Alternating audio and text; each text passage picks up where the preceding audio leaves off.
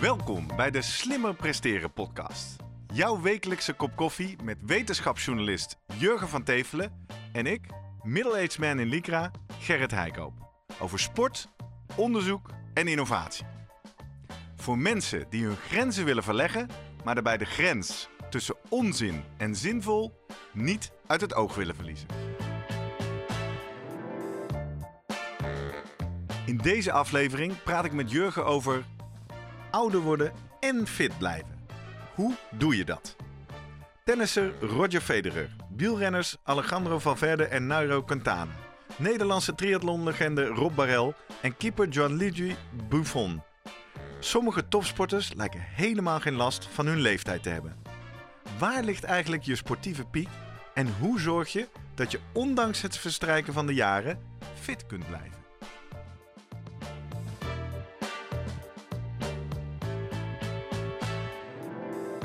Voordat we beginnen, nog even drie dingen om aan te denken als jij zelf ook slimmer wil presteren. Nummer 1.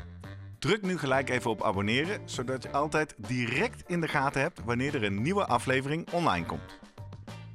Nummer 2. Weet dat je Jurgen en mij ook kunt boeken voor jouw volgende bijeenkomst als spreker of presentator.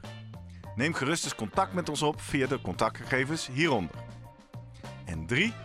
Deze podcast wordt geproduceerd en gesponsord door Live Online Events. Serieus goede content rondom jouw congres of event. Check www.loe.tv voor meer info.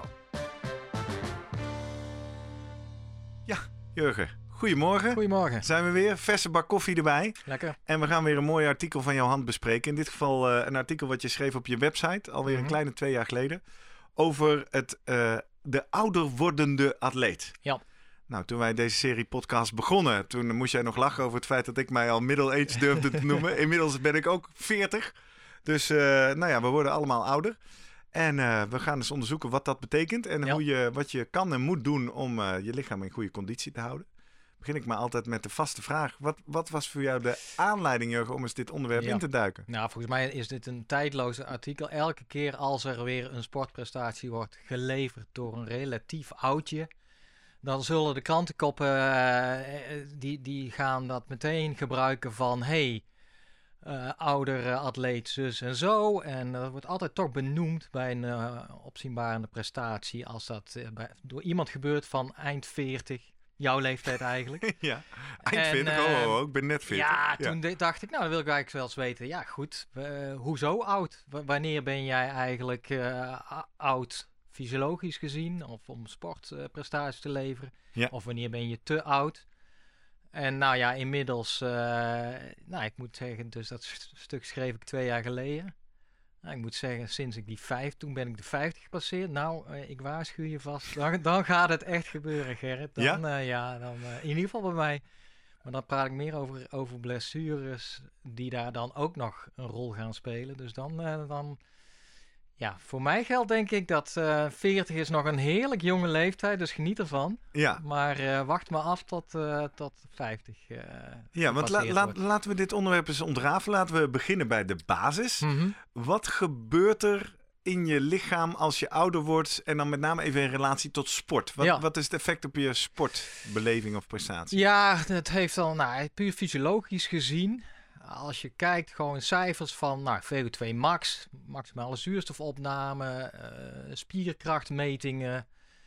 eh, dus fysieke eh, kwaliteiten, nou, dat piekt ergens rond de 25ste à 30ste. Oké. En dan, En piek, wat, wat- daarvoor dus, als je jong wordt, dan wordt dat allemaal meer en sterker of zo. Ja. Je krijgt meer conditie, meer hartlonginhoud, meer Klopt. spieren. Dat blijft maar groeien. ja, en dat heeft natuurlijk allemaal te maken met hoeveel train je en er zit behoorlijk variatie in. Maar gemiddeld eh, genomen zo wordt gezegd, nou vanaf je ja, 25ste daar ligt je piek. Daarna neemt in ieder geval je VO2 max elk jaar met zo'n 1% af, om eens wat te noemen. Ehm, en ja, dan, dat heeft met name ook te maken als je puur kijkt naar je maximale hartslag. Ja. Dat, dat kent iedereen, dat riedeltje natuurlijk, hè, van die 220 min leeftijd. Wat niet Klopt, nee, toch? Zegt ja, iedereen. Maar goed, dat is een soort vuistregel. Grofstoffelijk, inderdaad, kun je dat hanteren. betekent eigenlijk dat ja, VO2 max, als je eh, uitgaat van je maximale zuurstofopname, wat toch te maken heeft met de, de hoeveelheid bloed die per seconde rondgepompt kan worden, zuurstofrijk bloed. Ja, dat wordt minder Gewoon omdat je hart minder hard kan kloppen. tijdens maximale inspanning. Alleen, ja, er zijn allerlei manieren om daarvoor eventueel te compenseren. Het hart kan groter worden, een sporthart. En dan kun je eigenlijk met, met de juiste middelen, met de juiste trainingsmethode, kun je het best wel lang volhouden. Dus om nou te zeggen, nou, na je 25ste, nou, daarna wordt het alleen maar moeilijk. Je ziet dat ook aan die voorbeelden natuurlijk van die sporters. En dat geeft eigenlijk ook maar aan van, ja, het is meer dan alleen fysiek of fysiologisch. Ja. Kijk, het feit dat zo'n eh Fre- Federer het lang kan volhouden, dat, dat wordt ook gewijd aan het feit dat vroeger moesten tennissers eigenlijk het hele jaar door wel tennissen om hun eh, inkomsten eh, binnen te harken. Eh, ja, Federer hoeft zich daar Hoeft niet te niet. veel zorgen over te maken. Nee. Dus die kan gerust een, paar, een, een, een, lange tijd vrij, vrij nemen, zijn lichaam lekker laten herstellen, wat uiteindelijk met het verstrijken van de leeftijd wel belangrijker wordt. Ja, dat is een tweede aspect. Hè. Herstel gaat langzamer. Dus, Precies. dus je lichaam moet langer bijkomen. Ja. eh, en doet er langer over om zich aan te passen na een inspanning. Ja. En dat, eh, ja, dat dus, dus die twee spelen ook alweer door elkaar heen. Als je kijkt bijvoorbeeld, wat, de, nou, de vuistregel die gehanteerd wordt. Het is eigenlijk begonnen met onderzoek van, eh, volgens mij een econoom, die, eh, dat komt ook in dat stuk, die, die ging eerst eens kijken, nou ja, wat is eigenlijk, kijk, als je naar de sportieve prestaties, hoe neemt dat af met het eh, verstrijken van de leeftijd? En Ja. Hij begon met schakers. Toen zag je eigenlijk van, nou, dat gaat wel heel langzaam. Ja, Ja. eh, ergens wel logisch. Tussen, Denksporters, ja. tussen 25 of 30 en 75 is dan 1% per eh 10 jaar. En toen dacht hij, nou, Even tussendoor, zijspa, eh, hoe, hoe meet je de ja. afname van capaciteit van Nou, schakers? Bij schaken wat meet wordt je, heel... Wat meet je nee, dan? ja, hij heeft puur naar prestaties gekeken. En die Hoeveel schakers... potten je wint of zo? Ja, die hebben eh, hele, die ranglijst wordt heel goed bijgehouden aan de hand inderdaad van de potten die je speelt. En eh, ja, dus dat, dat is toch een, ja, eh, die heeft puur echt naar die. eh Ja, die heeft een relatie gezocht gekeken. van als je ouder wordt ga je minder schaakpotjes Ja. winnen. Precies. En dan met heel veel data had hij eh, verzameld. En dan kun je dat doen. En eh, op diezelfde manier kun je natuurlijk kijken naar marathonlopers. Bijvoorbeeld, eh, nou, Rotterdam Marathon. Dan kijk je naar de wedstrijdlopers. Hun leeftijd, zeg maar. Je kijkt gewoon, nou, wijs van de top, top 50 of top 100. Of allemaal. Voor de leeftijdsgroep 20 tot 25, 25 tot 30. Nou, en dat kun je voor heel veel marathons doen. Dat heeft hij toen vervolgens ook gedaan, die economie. Ik denk, nou, ik ben toch lekker bezig. Die heeft voor heel veel Olympische sporten allemaal gekeken. En die kwam uiteindelijk uit, nou ja, gemiddeld genomen is het eigenlijk 1% per jaar dat je in snelheid, eh, ja, afneemt, dat je snelheid afneemt, langzamer wordt. Oké, 1% Maar- per jaar gemiddeld over de hele populatie, over allerlei Klopt. sporten. Dat is natuurlijk een heel grof getal Ja. waarschijnlijk. En dat is heel veel variatie. En daar heb je het weer. Wat ga je als je bijvoorbeeld een 50, een groep eh, vij- m, eh, 50-plussers gaat vergelijken met een groep 25-plussers eh, tijdens een marathon? Ja, dan ga je ook al, eh, je kunt je goed voorstellen van, het- is niet alleen maar het ouder worden wat daar een rol speelt in die eh, mindere prestatie, dat ze er langer over doen. Ja, ze zijn vaak ook wel wat dikker, denk ik. Eh, ze zullen minder kunnen trainen of daar in ieder geval de prioriteit minder leggen, omdat ze natuurlijk een baan hebben. Dus het is heel moeilijk om sec de vinger te leggen op wat ouder worden of ouderdom doet, omdat er allerlei factoren doorheen Ja, ja, ja, spelen, ja. leefstijlfactoren. Volgens mij is wat jij nu aanraakt. Wij, wij kwamen van de week tot onze vreugde tot de conclusie dat eh, de podcast die wij allebei eh, graag volgen, Mhm. de Science of Sport, uitgerekend deze week. Laten we hier claimen. Wij hadden deze planning al staan. Maar ook zij hebben, Ros Tucker en Mike Vince hebben deze week een aflevering over, eh, over ouder wordende atleten. En daar gaan ze een tijdje erop in over het probleem van dit te bestuderen. En dan maakt hij het verschil tussen cross-sectional, geloof ik, en, en longitudinaal. Dat is het eigenlijk, ja. Dat beschrijf je nu ook. Dus dit onderzoek kijkt allemaal naar een groep van 50ers versus een groep Ja. van 25-jarigen. En dan kom je op dit soort problemen. dit soort gemiddelde- Terwijl wat je eigenlijk zou willen is iemand van zijn 25 tot zijn 75 te volgen om echt te kunnen Ja. isoleren. Maar ja, dat is niet uit te voeren. Dat, en, maar dat zijn wel hele mooie studies, eh, een beetje die case studies. Die zijn er wel een aantal. Eh, nou ja, je noemde Rob Barrel al. Ja, Ja, die zou je het liefst gewoon dan zijn VO2 max ook willen. Misschien moet je hem eens gewoon eens een keer vragen aan hem, bellen? Weet hij dat? jij hebt hem wel eens geïnterviewd. Ja, Even voor zeker. onze kijkers Ja. en luisteraars die hem niet kennen. Wie Ja. is Rob Barel? Rob Barrel, dat, eh, in, ja, toen ik een, eh, een jochie was van 16, 17, die voor het eerst een, in de aanraking kwam met een, een triathlon, kwart triathlon, bij mijn geboortedorp Hilvarenbeek was er heel vroeg bij eigenlijk voor een triathlon toen. Want, Almere was net begonnen. ik kan me herinneren dat je dat op, eind jaren tv 80. keek. Ja. Dus, nou ja, en toen was ik al van, nou ja, keek je Almere. Ik ben zelfs een keer gaan kijken, live toen. Nou ja, had je Axel Koenders en je had Rob Barrel en een aantal. Nou, en op een gegeven moment, Rob Barrel is me altijd bijgebleven, omdat gewoon een hele, ja, los van de atleet, hele vriendelijke, aardige man kon ik me herinneren. nooit een verkeerd woord, nooit concurrenten afzeigen of iets dergelijks. Gewoon geen haantje.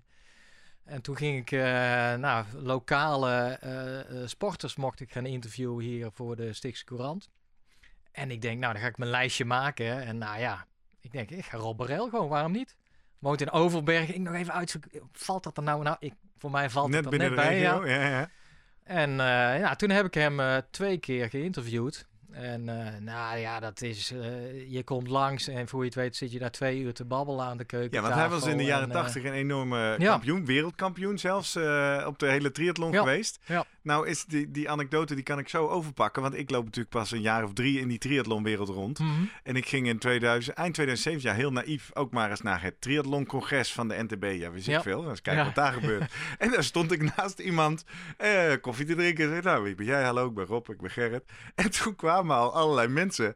Die kwamen en uh, hoe was het? In... Ik, was, ik was echt zo goed als kras, hè? dus die zei ook, en nou knap in Hawaii, en hoe voel je je nu? Dus ik ook echt zo, joh, je bent ja, naar Hawaii geweest. Ja. Ik wist op dat moment letterlijk ja, niet eens wat Hawaii was, hè? En voor de kijkers en luisteraars, dat is het uh, onofficiële wereldkampioenschap hele afstand triathlon. En daar was hij toen net geweest. Uh, net 60 en had hij zijn age group ook weer gewonnen. Wereldkampioen bij de 60-jarigen. Uh, maar nou ja, dat is Rob okay, een, ja. een triathlon-legende in Precies. Nederland letterlijk. Ja.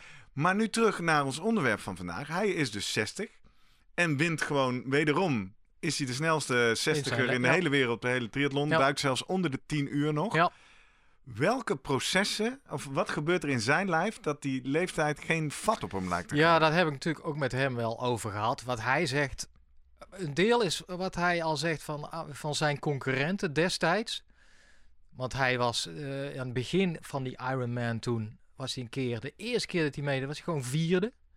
Dat, dat heeft hij nooit meer gehaald. Maar wat hij mij wel toen uitlegde, hij zei, ja, ik durfde in die beginjaren, ja, dat is ook mijn karakter, ik durfde gewoon niet te gaan vol voor alleen maar die Ironman. Okay. Dus hij heeft altijd iets gehad van, ja, ik moet een beetje breed uitsmeren, ook kwartjes doen, ook voor de inkomsten en... En hij ziet dat eigenlijk die concurrenten van toen, die zijn allemaal opgebrand. Dus hij, uh, hij heeft, daar heeft het deels mee te maken. Maar hij is ook eerlijk door te gewoon te zeggen, ja, kijk, als je eenmaal die basis hebt, nou die heb ik. En het feit van de innovatie in, in de triathlon is ook, ja, dat heeft een belangrijk, speelt gewoon een hele belangrijke rol. Met name als je de fiets kijkt. Hij had daar echt een juweeltje van een fiets staan. Die had hij dan, mocht hij een jaar lenen. Ja, nou ja, het is gewoon één, één uh, prachtig gewoon om te zien. Maar hij, ja, wat bleek als je de, de fietstijden van zijn, de, zijn vierde plek en uh, toen hij uh, 60 werd, naast elkaar legt, is, dat scheelt 10 minuten. Zo. Dus dat geeft me aan aerodynamica. Terwijl uh, hij ook te maken zou moeten hebben met die Ja. 1% per jaar Klopt. achteruitgang Ja. door een lagere maximale hartslag. Ja. Door eh, afname van spiermassa? Of? Nou, is wielrennen is sowieso een, een, uh, een sport die je lang voluit kijkt naar de Quintana's en de Valverdes. En, uh... ja, van verder was vorig jaar 39, hè? Ja. Laten we nou niet doen alsof hij echt... ja, dat is natuurlijk nee, een geintje in de en, Roland Lantaarn en podcast. bij hem kun je ook wel met een knipoog, oké, is het alleen de fiets en is het alleen je training? Hebben natuurlijk in het verleden wel wat gedaan met een Spaanse dokter die wat bloed van hem verzamelde. Nu ben je en, suggestief, hè? Ja. ja. Ja. Nou ja, goed. Ik vind dat dat, dat nog wel altijd bij hem in ieder geval gemeld worden. Omdat hij nooit heeft gezegd, ja jongens, uh, inderdaad. Dit, ja, en terwijl alle, alles li lijkt er toch... Nou ja, Tuurlijk, hij komt uit het oude wielrennen. Ja. En tegelijkertijd hebben we nu uh, Ja. zogenaamd het nieuwe wielrennen. Eh, er wordt toch flink getest? Dan ja, zou hij toch door de man ja, moeten dat vallen? klopt. Maar je weet niet, in die tijd destijds had hij daar nog voordeel. Had hij daar langere tijd voordeel van. Ja, ja, ja. En de vraag is nou of, of testen nog steeds. Ja, wordt er getest? Ja, so what. Maar andere Ander onderwerp. onderwerp. Terug. Ja. Dus de wielrennen is sowieso goed, eh, omdat je, nou, je belasting voor met name je gewrichten pezen is minder. Eh, dat is toch wel, nou, kijk ik naar mezelf. Ja, fietsen doe ik heel veel, eh, omdat ja, dat, eh, dat hardlopen, die hardloopblessures, die zijn echt eh, toegeslagen bij mij. Ja, in de afgelopen tien jaar tussen je 40ste en je 50ste. Ja, en ja, nu is dat, dat, dat, dat langere pijntje wat al in die, die kuit zit. En nou ja, ik heb een scheurtje in mijn knie. En nou ja, dat is echt wel een... En wat is dat dan? Is dat dan gewoon slijtage? Is daar onderzoek naar gedaan? Ik bedoel, Ja. is, is dit nu anekdotisch Jurgen Vertevelen? Of Ja. is dit in zijn Nee, algemeenheid bij oudere lopers? Absoluut, want als je de, de cijfers kijkt van eh, veiligheid.nl, die houdt dan de sportblessures bij, dat gooi je ook in de show notes. Ja, dan eh, is eigenlijk is, eh, hardlopen gewoon een hele nou ja, gevaarlijke, of in ieder geval su- blessuregevoelige sport. Gewoon de tweede sport na voetbal. Als je puur kijkt naar het aantal mensen wat een, een blessure oploopt. Absoluut gezien zijn die Ja, cijfers. ja, Ja, dus dat En zeg je weer, doen ook heel veel mensen Ja, natuurlijk. Ja. En juist de leeftijdsgroep eh, waarin ik zit. Dus dat heeft er allemaal mee te maken. Het is een, wel iets wat in mijn achterhoofd zit. Als dit nog even aanhoudt, dan ga ik daar gewoon een echt grondig onderzoek doen van alles wat bekeken is. Wat nou eh, kan helpen eventueel tegen blessures. Schoenen. Nou ja, dat schijnt het allemaal niet zo te zijn. Eh, los van leeftijd, training. Zijn er manieren eigenlijk om dat... eh, eh, om, om van die blessures te vermijden. Het heeft al, alles met overbelasting natuurlijk te maken. Ja. Ja, er wordt heel veel onderzoek gedaan, ook in Nederland. Ik, ik sprak bijvoorbeeld iemand die werkt met inlegzooltjes met sensoren erin. En dan krijg je eigenlijk idealiter feedback op jouw, je horloge. Van nu, let op, ga je pasfrequentie nu eh, eh, omhoog gooien, je paslengte wat kleiner. Want als je op deze manier doorgaat over 5 kilometer, ga jij last krijgen van, van je knie. of Wow, Die kant dit willen klinkt ze als op. een gadget. Ja, Wie, kan je hier iets ja over dat is in, vertellen? in Maastricht eh, studie. eh, dus er, zijn ze daarmee bezig. maar En dit is alleen nog in de studie. Dit is nog niet op de markt, dit soort Nee. zultjes. En dan met name, Ik ja, zeg die, die- testen. Wij die- kwamen er van de week al een paar keer achter. Ik denk Lijkt dat het leuk. Dus ik heb, ik heb hem ook inderdaad testen. gezegd, nou kom graag een keer langs om, eh, om dat door te laten meten. Nee, er is een groot eh, subsidiepakket volgens mij twee jaar geleden gekomen vanuit eh Zon MW. Dat is de, de, de geldschieter voor medisch wetenschappelijk onderzoek naar sportblessures. Want ja, we willen aan de ene kant natuurlijk dat mensen meer en blijven sporten. Ja, meer en langer bewegen. Hè? Dat is volgens mij gewoon beleid. Ja. Alleen, eh, ja, wat, wat moet je als dan op maandag eh, mensen weer, weer, weer thuis zitten? Of eh, ja, dat kost ook weer een boel geld natuurlijk. En, en, en hardlopen is daar dus wel toch een, een belangrijke bijdrage levert die daaraan. Dus in die zin is fietsen gewoon weer een, eh, een goed alternatief. Maar heeft als nadeel misschien van nou, de valpartij waar we het Ja. over gehad hebben. Ja. Eh, dus die, dat laat daar weer zien dat je daar... eh, In onze aflevering 11 over Ja. de coronamaatregelen hadden we daar cijfers van. Ja. Dus dat is, nou ja. Maar, en, en osteoporose is misschien ook een dingetje. Juist weer het voordeel van hardlopen, wat eh, Miranda Boonstra ook Ja, vertelde. in de, in de aflevering dat, dat dus je botten gaan ontkalken. Ja. Waardoor, je, waardoor ze makkelijker breken. En hardlopen zou ervoor zorgen dat ze sterk blijven. En je moet natuurlijk gewoon doen wat jij leuk vindt om te doen. En ik vind hardlopen gewoon ontzettend leuk. Dus dat is wel een... eh, Een van de dingen die ik hoorde in die podcast van eh Ros Tucker... is Mhm. dat hij beschreef dat als je ouder wordt... het aantal zenuwen Ja. vermindert. Ja. En dat daardoor je coördinatie veel slechter Klopt. wordt. Ja, dus dat zijn denk ik, eh, dat is een goed, goed punt. We hebben het over VO2 max. Dan praat je over eigenlijk uithoudingsvermogen. Ja. Is daar een, een, een indicator van. Alleen eh, wat veel duidelijker wordt, ook wat ik in dat stuk eh, beschrijf, is eh, we hebben we hoeven ons niet zo druk te maken misschien om de achteruitgang in uithoudingsvermogen. Maar veel meer om de achter... En dat, dat is vaak gerelateerd aan die langzame spiervezels. Waar we het in uitzending 13 of 14... Ja, Over- eh 13, trainen op kracht 15. of, of ex- 15 was dat. Ja, we zetten hem in de show notes. Ja, ja, de verschillende typen spieren. eh, explosiviteit of uithoudingsvermogen. Juist dat uithoudingsvermogen, dat loopt terug. 1% dan per, per jaar zo'n beetje. Maar die kracht, die loopt veel harder terug. Aha. En dat heeft weer te maken met dat juist jouw witte spiervezels... Ja, die krimpen echt als jij ze onvoldoende gebruikt. Ja. En die krimpen enorm met nou, de ouderdom. Dus als je in, in kracht eh, kun je makkelijk nou, 75% verliezen tussen je 25ste en je, je 75ste. 75%. Qua spiermassa lijkt het dan mee te vallen. Maar als je dat omzet gewoon functioneel van hoeveel Je kunt de kracht je spieren gewoon niet meer goed gebruiken. Nee, en dat zijn dus echt het kracht leveren. En dat heeft dus, nou is belangrijk, explosiviteit, maar juist voor coördinatie en eigenlijk algemene dagelijkse handelingen. Ja. Als jij even, eh, ja goed, of uit balans raakt, vooral voor die, die ouderen. Of eh, ja, je wil ergens een, eh, een, een, een gloeilampje indraaien, moet even rekken. Die dingen, dan merk je eigenlijk van hoe belangrijk juist die nou, explosieve krak- eh, karakter is.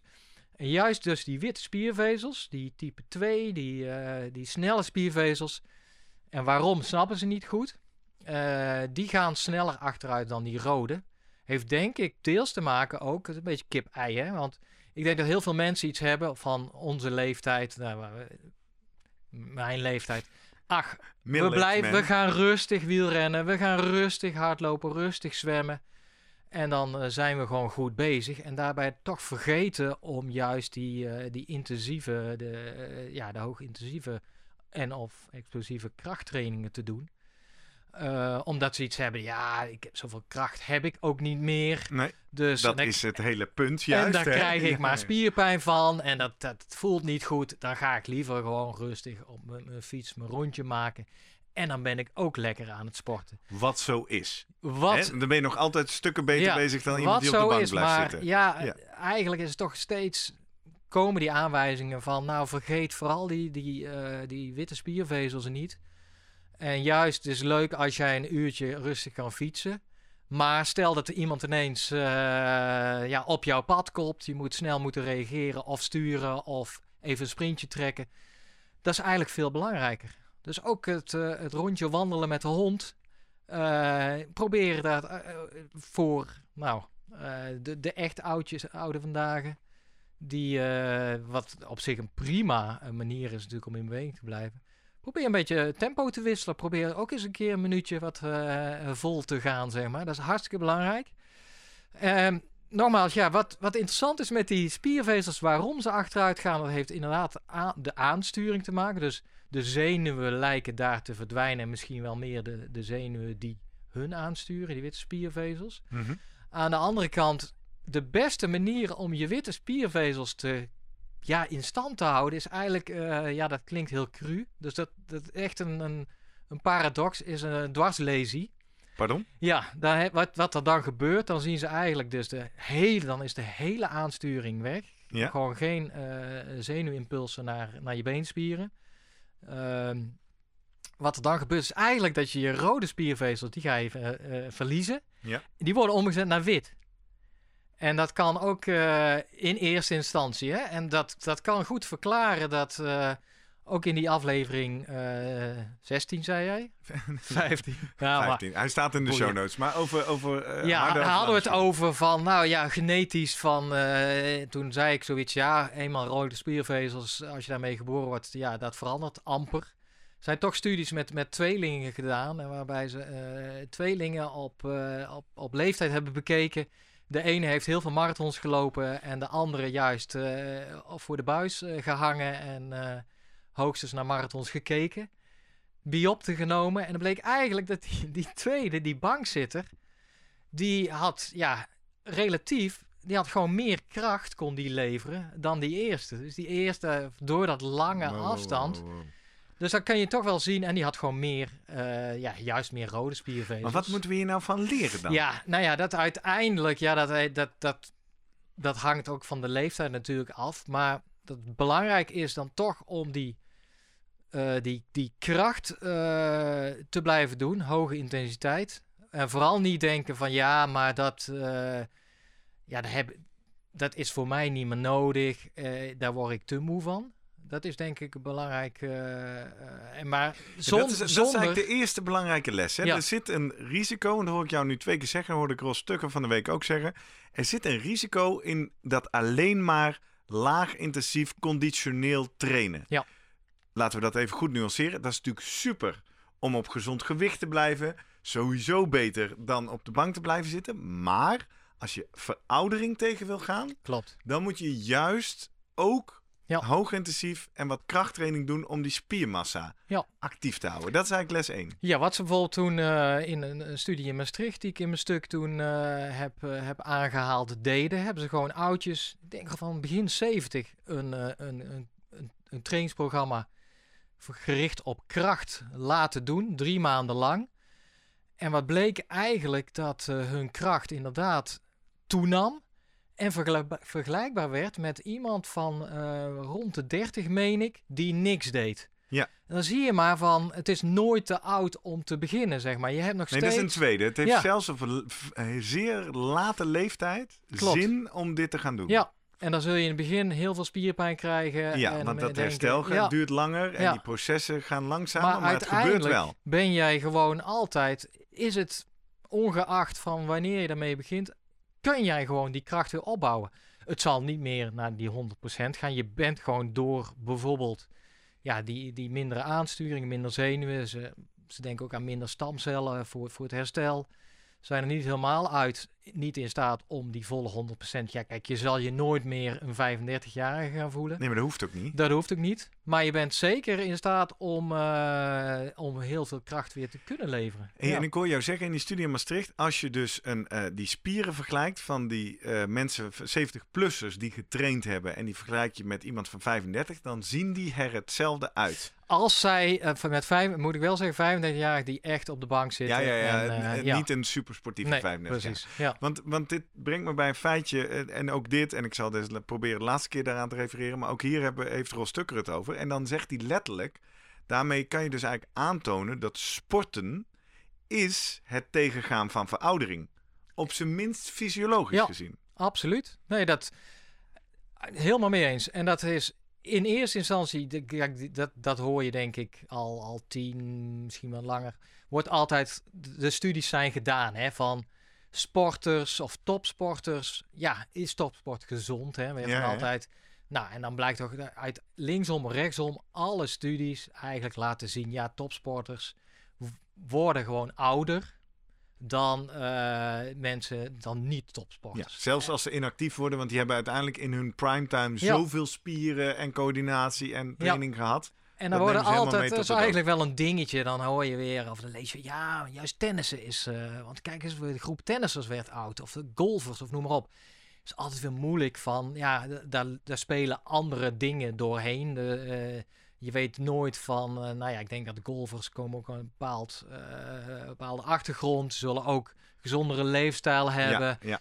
Eh, dus, nou ja, dat is een beetje lastig, omdat... Dat is natuurlijk een algemeen probleem met dit soort studies. ja. Hè? Veel te veel variabelen. Inmiddels is wel heel duidelijk dat bewegen, bijvoorbeeld volgens juist de beweegnorm, ook een beetje die J-curve wordt vaak geschetst daarin. De J-curve die we al eerder hadden voor het oplopen van infecties ehm, en, en wat, wat bewegen daarop doet. Ja, laten we die nog heel even snel in herhaling. Op de verticale as zien we. Het aantal infecties, of in dit geval het aantal eh, hartaanvallen, of, Ja. aan- of echt eh, ouder worden. Ja, en op de horizontale as de hoeveelheid training. Ja, En dan zeg je dat is een J-curve. Dus Ja. dat betekent als je wat meer gaat sporten, dan gaat het aantal ontstekingen of, of aandoeningen omlaag. Ja.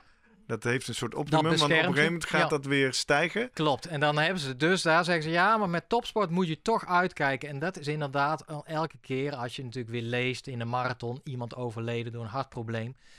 He, dat heeft wel iets te maken. Kijk, dat hart past zich gewoon goed aan. Alleen ja, het kan, je kan nog net de pech hebben toch. Van, kijk, dat hart moet continu blijven kloppen. En eh, er hoeft maar één keer een verstoppingje te zijn of iets mis te gaan met een, een lekkende klep. Ja, en dan hang je. In- Kijk, een spiertje. Ja, en dus, dat- dus zeg je van die J-curve kunnen we leren. Als je te ver naar rechts Ja. gaat, dan kom je juist weer in de gevarenzone. Dus en daar dat moet je geldt met name voor eh, mensen die op latere leeftijd ineens zeggen van eh, eh, die mammals die het gaan wel heel serieus gaan nemen. Die ineens menen van hé, hey, maar eh, ja, ik moet ook eh, op net, net als eh, nou, die kijken naar de Tour de France. Ik ben, eh, nou, Valverde is oud. Ben ik ook, nou, maar wat hij kan, kan ik ook. En dan te snel toch wel weer echt heel fanatiek willen sporten. dat staat eigenlijk los van die mensen die eigenlijk hun le- hele leven gesport hebben. Daar is het sporthart gewoon idealiter Ja, ja, ja, aangepast. ja.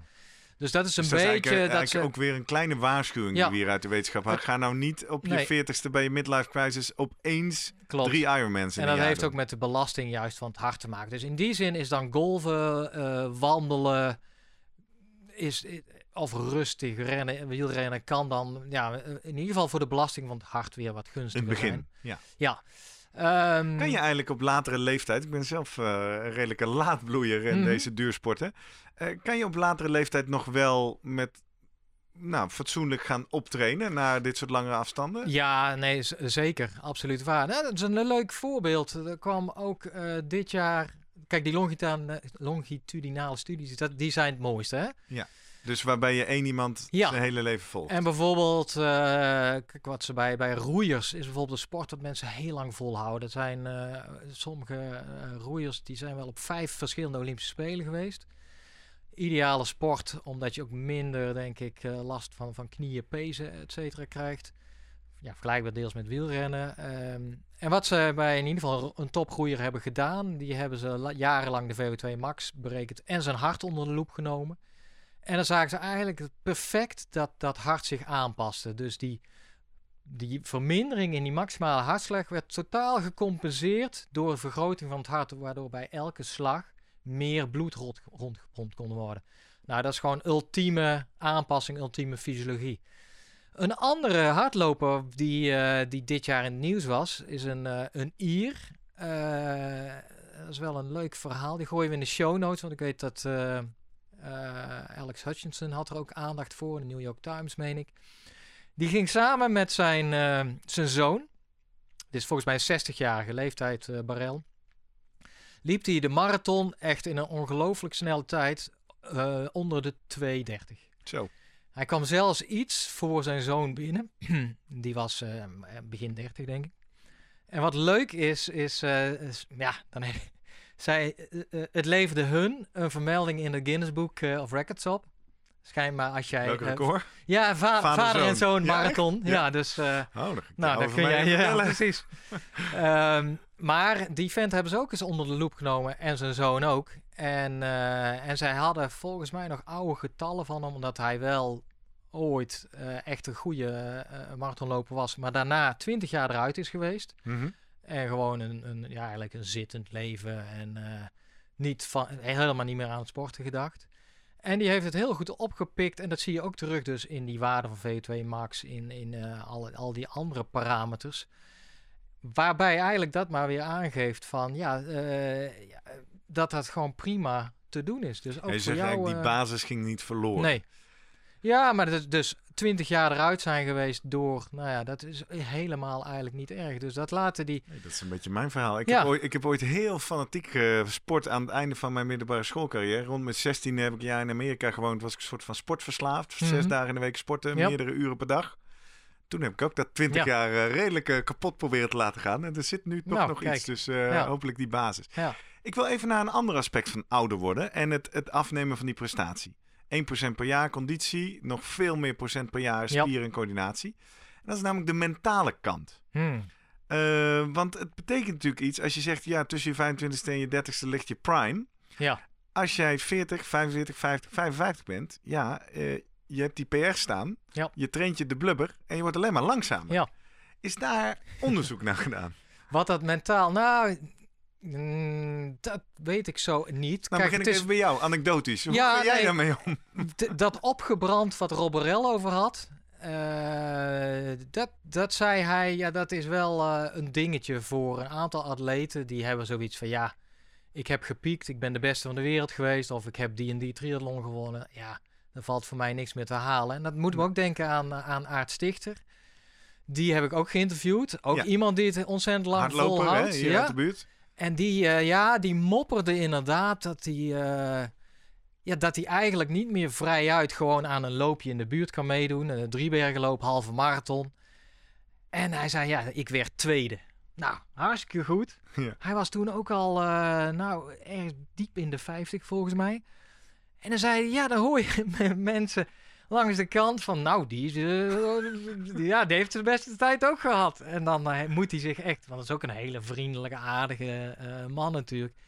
Maar dan hoor je wel mopperen, dan moet hij zich echt inhouden om te zeggen, ja, hallo, ik, ik ben Ja, verslagen. Daar heeft hij nog mee te maken, omdat Ja. hij toploper Ja. is geweest. Maar wat nou voor die amateur? Ik, ik, ik ken het heel erg.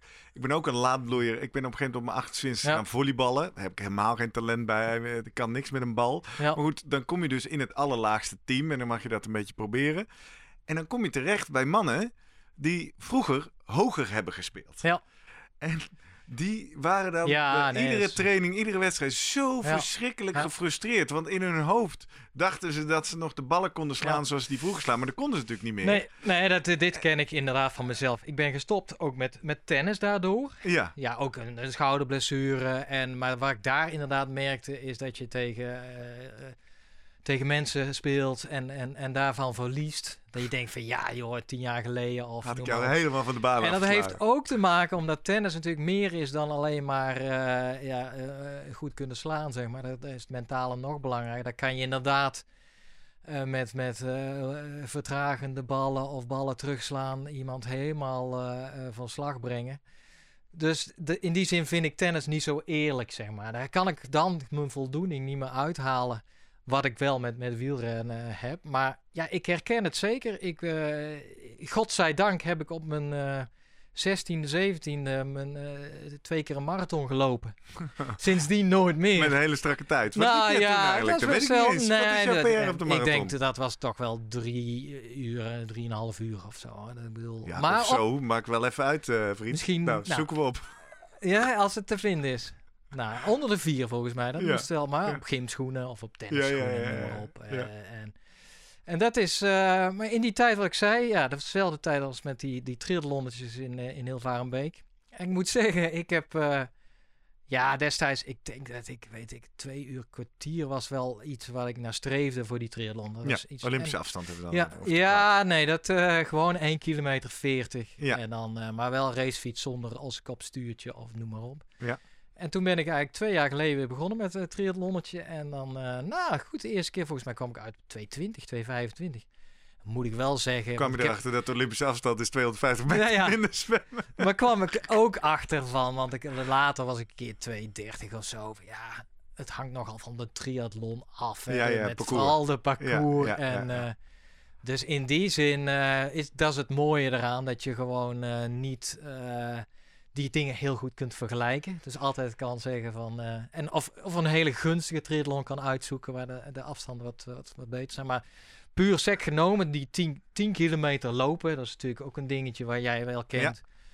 Ja, dat, kijk, ik heb in mijn hoogtijdagen ooit eh, net binnen de 38 gelopen. Ja.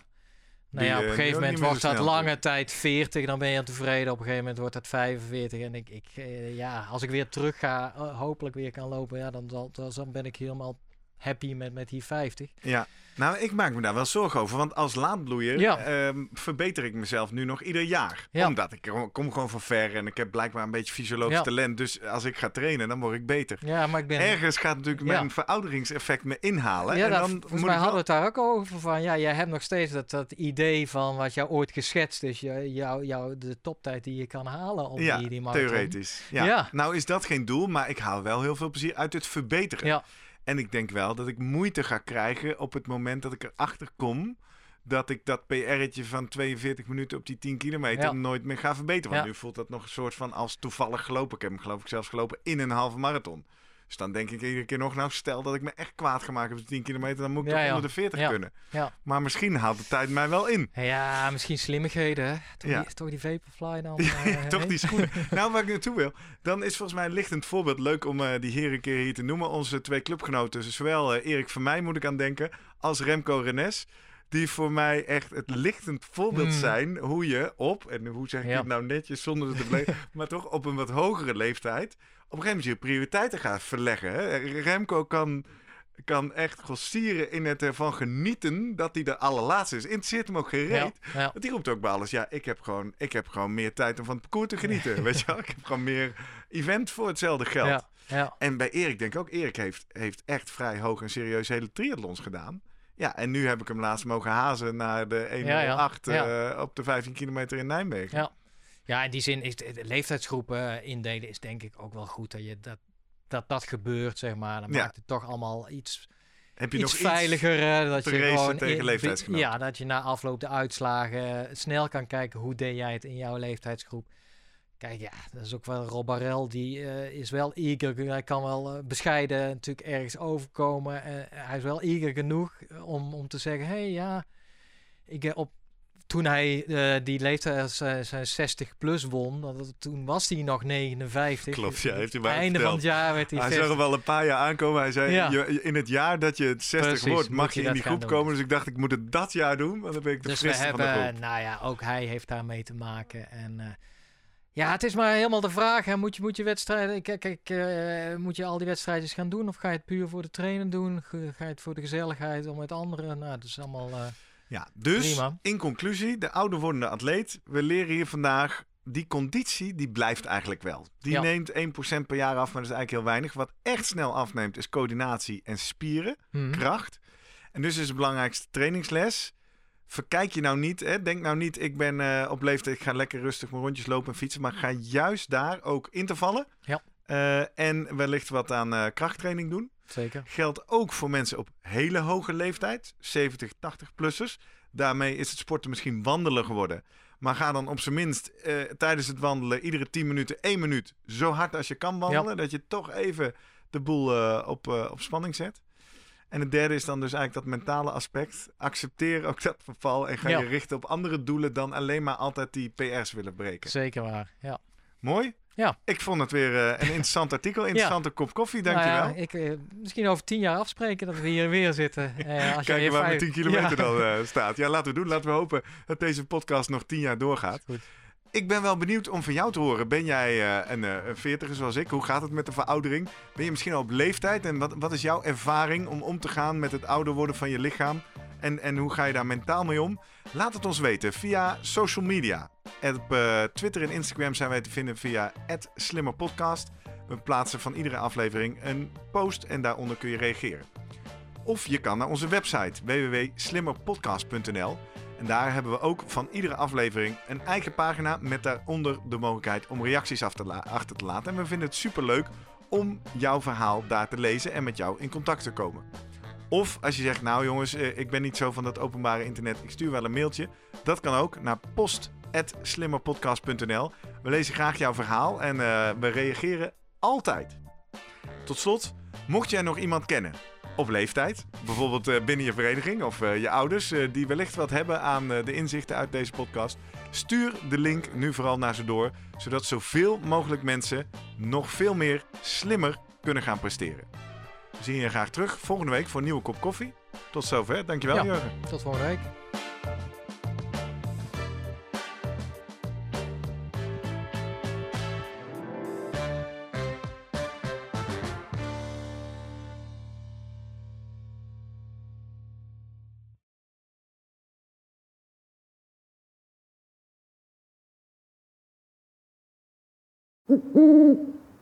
Hey, pst. Voordat je weggaat, denk er nog even aan uilentorenloop.nl. Dan zien we je de eerste zaterdag van juni. Tot dan!